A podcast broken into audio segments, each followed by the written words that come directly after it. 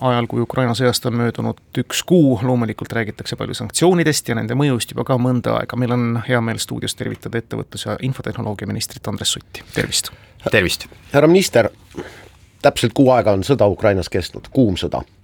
julgeolekuolukord on noh, ütleme niimoodi, et õrn nagu peenike klaas. kuidas see on mõjutanud meie ettevõtlust, meie väliskaubandust, meie majandussuhteid? No see sõda on kõike, kõiki mõjutanud äh, maailmas ja, ja, ja noh, kõige rohkem muidugi on kannatanud äh, Ukraina inimene ja see on äh, noh, tegelikult täiesti äh, halb, katastrofaalne ja seepärast kõik sanktsioonid ja asjad ongi väga-väga olulised. nüüd äh, ma arvan, siin on kaks, kaks mõõdet, et kuidas see majandusmõju on olnud, et, et kindlasti lühiajaliselt on väga palju saanud pihta kõik tarneahelad, et, et noh, kui me räägime metallist või räägime puidust, väetistest, noh, mitmetest teistest tootegruppidest, et, et see kindlasti on mõjutanud ettevõtlust, ka investeerimiskindlus, see on nagu teine asi et noh, igasuguse sellise ebastabiilsuse perioodil noh, ajalugu on näidanud, et äh, investeeringuid pigem lükatakse, lükatakse edasi. ja võib-olla noh, nagu kolmas ja ma arvan, see on äh, meie puhul äh, ka kõige olulisem, et kui me vaatame, kuidas Venemaa osatähtsus on ajas meie majanduses vähenenud, siis see on olnud ainult hea, et kui, kui selline olukord oleks olnud meil siin kümme-viisteist aastat tagasi, et, et siis me oleks olnud kindlasti palju, palju rohkem haavatavamad, praegu Venemaa osatähtsus meil majanduses ikkagi on, on väga väike no eilne saade Pealtnägija Rahvusringhäälingus tõi välja siis selle, kuidas on autovedu, Mercedeste vedu nüüd üheksakümne protsendi ulatuses vähenenud läbi Eesti, see oli üks päris hea äri ja see on otseselt seotud, eks ole, sanktsioonide paketiga. aga teine lugu, nagu te välja tõite, see investeerimise kliima ebakindlus, kas ta mõjutab ka meie regiooni Baltikume otseselt? Äh, ta mõjutab kindlasti ka meid, aga, aga ei saa nüüd öelda, et me oleme kuidagi eriliselt äh, eriliselt nagu välja toodud, et äh, meil oli valitsusega just nädala alguses ringkäik Ida-Virumaal, ma kohtusin seal päris paljude ettevõtjatega ja noh, see pilt on, on, on noh, nagu selles mõttes, et mitmekesine, on mitmed ettevõtted, kes tegelikult oma investeeringutega lähevad edasi, ettevõtted näiteks, kes äh, omasid äh, tootmist Venemaal, panevad selle seal kinni ja, ja toovad siia, on ka ettevõtteid, kes, kes nagu selgelt peavad leidma uued tarnekanalid, sest noh, näiteks kui metalli import oli Venemaalt, et siis see kanal enam ei toimi, ja on ka ettevõtteid, kes eh, on jäänud praktiliselt puutumata, et, et nende äri eh, läheb eh, täiesti samamoodi edasi ja ja ma ja kui ma nüüd noh, ja see jutt on nüüd Ida-Virumaast, et kus võiks ju võib-olla eelduslikult arvata, et, et see ebakindlus on, ebakindlus on kõige suurem. nii et mingil juhul meil ei ole põhjust väita, et Eesti oleks kuidagi ebaproportsionaalselt äh, pihta saanud. et pigem niisugune äh, üldine globaalne hoiak, et okei okay,, et kui praegu käib sõda,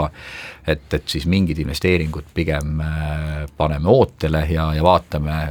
kuidas sündmused edasi arenevad, sest noh, nii nagu siin sissejuhatuseks öeldi ka, et et meil on kuu aega möödas, et kuu aega tegelikult on nagu väga-väga lühike ja iga kriisi puhul noh, see, see nii-öelda see äh, nähtavus äh, alguses on, äh, on väike ja see kõik on väga loogiline, et siit ei maksa selles mõttes üllatuda, aga NATO liikmena, Euroopa Liidu liikmena on Eesti täiesti turvaline paik investeeringuks. minister Andres Sutt, küsin teilt ühe mind isiklikult aeg-ajalt ja üha rohkem puudutava küsimuse. et äh, Ukraina sõjapõgenikud, palju kannatanud inimesed, jumal tänatud, et nad on sõjajalast, jalust ära saanud ja ka siia Eestisse tulnud. aga aeg-ajalt neid nagu kasutatakse äritegevuses ära, nad küsivad vähem palka, mind häirivad kohutavalt äh, nende kasutamine noh, mõnede ettevõtete reklaamist, oi, me anname teile se-, ukrainlastele seda tasuta ja seda tasuta, kas teid see ei häiri? Kindlasti sellised näited äh, häirivad, et äh, suures plaanis on ju Eesti inimene olnud väga avatud ja, ja lahke toetama nii, nii rahaliselt noh, riigina, eks ole, kaitsevaldkonnas, et, et me oleme üle kahesaja kahekümne miljoni euroga aitanud Ukraina Ukraina kaitseväge, nii et, et, et see kõik on, ma arvan, väga hea, kui on meil ettevõtteid, kes kasutavad seda ära, siis see kindlasti on nagu väga halb ja ma arvan, siin on on roh-, oluline roll ka noh, nagu ühiskonna hoiakul, et et, et ma arvan, selliseid ettevõtteid tulebki noh, nagu hukka mõista ja iga klient saab ju valida, et kas ta selle ettevõtte käest tegelikult toodet või teenust ostab, et ma arvan, see on kõige mõjusam, kõige mõjusam vahend noh, kui keegi rikub päris seadust, siis on, on teine teema, et, et siis on, on ka õiguskaitseorganite asi. aga iga kodanik, iga inimene saab oma valikuga tegelikult selle paika panna väga paljud inimesed üle kogu ilma hoidsid tänast päeva silmas pidades hinge kinni vaadates, mida Moskva börs teeb, Aeroflot välja arvata ei olnud börsil häda midagi. aktsiahinnad tõusid ja nõndaviisi ka rubla, aga pärast seda, kui Vladimir Putin oli andnud siis nii-öelda korralduse välismaale müüdav gaas ja selle eest tasuda ainult rublades, see tugevdas seda Venemaa rahvusvaluutat. see viis mind küsimuseni, hea küll, et energiasõltuvus, sellest on palju räägitud, Euroopa ja noh, paraku sealhulgas ka natukene Eesti, aga kas on midagi Venemaal, mida ta ekspordib, mida on ainult ja ainult Venemaalt saada, ilma milleta muu maailm üldse ei saa, noh stiilis Taiwan ja kiibid?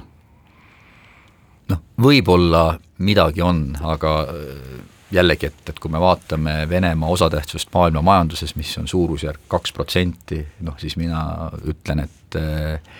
et see on nagu tarneahelate äh, ümbervaatamise küsimus esmalt, ja, ja siin peab olema lääs nagu hästi ühtne, et, et me ei saa nagu kuidagi alistuda, jah, lühiajaliselt on see väga ebamugav, põhjustab äh, kindlasti osa selle hinnatõusu taga on ka eba, ebakindlus, et äh, et noh, kui me vaatame ükskõik kas nafta hinda või gaasi hinda, et et, et, et siis äh, hinnakõikumised on ju noh, reageerivad täpselt sellesamale, et, et hakake nüüd äh, rublades maksma. et ma arvan, siin tuleb lihtsalt äh, olla, olla kindlameelne meie poolt, lääne poolt siis ja, ja investeerida alternatiividesse, et Moskva börs, noh, ma arvan, et, et seal on kohane küsida ka see küsimus, et, et kes need investorid on ja kas nad neid investeeringuid tegid nii-öelda oma vabast tahtest, et mm. tuleme kodule lähemale, härra Sutt, ausalt öeldes enam kui kümme aastat kuuleme me kõik jutte sellest, et Eesti peab jõudma kogu maad hõlmava kiire internetini, ei jõua kuidagi. Äh, sellel aastal, ma arvan, me liigume kiiremini edasi kui viimase kümne aasta jooksul? ma arvan küll, selles mõttes, et esiteks on, on, on rahastust palju rohkem, noh kokku on ju ligi seitsekümmend miljonit, mis läheb kiiresse, kiiresse internetiühendusse. Äh, teiseks, äh, seekord äh, me konsulteerisime, kaasasime kohalikke omavalitsusi, noh nendel oli võimalus panna oma piirkonnas asumid või, või ettevõtted pingeritta, et kuhu seda kõige rohkem ja kõigepealt vaja on. Ja see, selle nädala lõpuks, ma arvan, peaks saama ka selle viimase kooskõlastused määrusele kätte ja siis saame meetme avada ja, ja saab äh, juba vaadata, et, et kui aktiivselt äh, kasutatakse, kohalikud omavalitsused on teinud erineva hulga ettevalmistusi, et et ja kui midagi on vaja seal määruses äh, timmida, et siis timmime, et, et hakkame otsast liikuma ja seekord on ka ju eelarved äh, omavalitsuse põhised, nii et äh, kas see põhimõtteliselt tähendab siis seda, et omavalitsus ütleb, et ah, et seal külas elab äh, ainult neli inimest, kes kõik on seitsekümmend viis pluss vanuses, et sinna ei ole kiiret internetti vaja? kas no, kas see on nii lihtne? kui kohalik omavalitsus sellise otsuse langetab, äh, ju neil on siis selleks äh, mingisugune argumentatsioon, et ma muidugi kahtlen, et nad äh, selliste kriteeriumite põhjal ma natuke provotseerisin. jah, otsustavad, aga, aga noh, mingisugune järjekord tuleb, tuleb panna, või mina arvan, et see on õige. sest ka puhtalt turu võimekuse koha pealt, et noh, hinnanguliselt, mida aastas jõutakse teha, on suurusjärk kakskümmend miljonit noh, et siis oleks ju mõistlik, et, et, et kõigepealt eh, võetakse ette need kohad, kus tegelikult on klient, kes noh, seda ka vajab, noh, minu jaoks isiklikult on koolid või ütleme noh, kõik, mis puudutab lastega peresid, et, et neil oleks võimalik, et ei jääks nagu õppetegevus selle taha. Või, või ka kaugtöö, eks ole, noh et kui ma olen siit risti-põiki siin Eestimaal ringi käinud, et, et siis noh, tegelikult on mõneti see niisugune paradoksaalne olukord, et et noh, kui me loeme ka Riigikontrolli auditit, et tehti väga palju internetiühendusi, keegi tegelikult või noh, see nii-öelda liitumiste protsent oli seal kahekümne viie ja natuke peale, ja siis, kui ma käin maakondades või, või omavalitsustes ja, ja noh, inimesed ütlevad, et, et tahaks liituda, aga ei ole, kuhu liituda, et noh, et justkui need kaks maailma eksisteerivad äh, eraldi. ja, ja noh, sellepärast ma ütlengi, et, et, et me nagu seekord kaasasime kohalikke omavalitsusi hästi palju, vaatame, kuidas see protsess käima läheb kui selgub, et ikka midagi ei tööta, et noh, siis tuleb äh, vaadata, et miks ta endiselt ei tööta. aga ma ikkagi julgen siin optimismi väljendada, et, et, et kui me oleme kohalike inimestega rääkinud, siis me saame kindlasti parema tulemuse kui seni lõpetuseks veel nüüd tulles äh, kõige aktuaalse juurde, mis puudutab sanktsioone ja nende mõju meie majandusele. eilse õhtu seisuga oli siis rahapesu andmebüroole esitatud kaheksakümmend kolm teadet vara külmutamisest, üks koma seitse miljonit eurot Vene oligarhidega seotud vara, seda pole palju, ma arvaks. aga kas see tähendab siis absoluutselt igasugust ei Vene rahale, mis tuleb kust iganes ja mis iganes motiividel, oletame, et näiteks läheb hästi Moskvas sellesamal onu Vanjal, mis asendab McDonaldsit, tahavad ka siia laieneda, või siis näiteks mõni Vene vana valgekaartlaste järeltulija kuskilt Pariisist ja no peaasi, et Vene nime kannab, et jumala eest, et ta investeeriks. kuidas selle investeerimiskeeluga on? Investeerimiskeeluga noh, nagu sellisel kujul, et, et kui sa oled äh, Vene kodanik, et siis sa ei tohi mitte mingil juhul Eestisse investeerida, et, et seda, sellist keeldu ju tegelikult ei ole. ja noh, samamoodi ei ole põhjust ühelgi Vene kodanikul, kes ei ole sanktsioonide all, kes on Eestis juba oma ettevõttega toimetab ja teeb seda seaduskuulekalt, arvata, et nüüd kõik see pannakse kinni ja, ja lõpetatakse ära, et aga küll on teine teema, kui on tegemist tegemist isikutega, kes on sanktsioonide all ja, ja noh, neid tuleb tõesti noh, täie rangusega jõustada ja, ja noh, ma arvan ka see, kui me vaatame kuhu suunas Vene majandus liigub, et siis ta liigub väga kiires tempos tagasi üheksakümnendatesse, ehk et see hoop Vene majandusele on ikkagi hävitav, mis on selle rahvusvahelise isolatsiooni tulemusena sündinud aitäh, et tulite täna Kuku stuudiosse, ettevõtlus- ja infotehnoloogia minister Andres Sutt ja ma loodan, et ma arvan, et me kõik loodame, et kuu aja pärast on see maailm natukene turvalisem ja parem. Lootusest ainult ei piisa, tuleb ka tegutseda ja, ja siis ma usun, et, et maailm on parem, aitäh!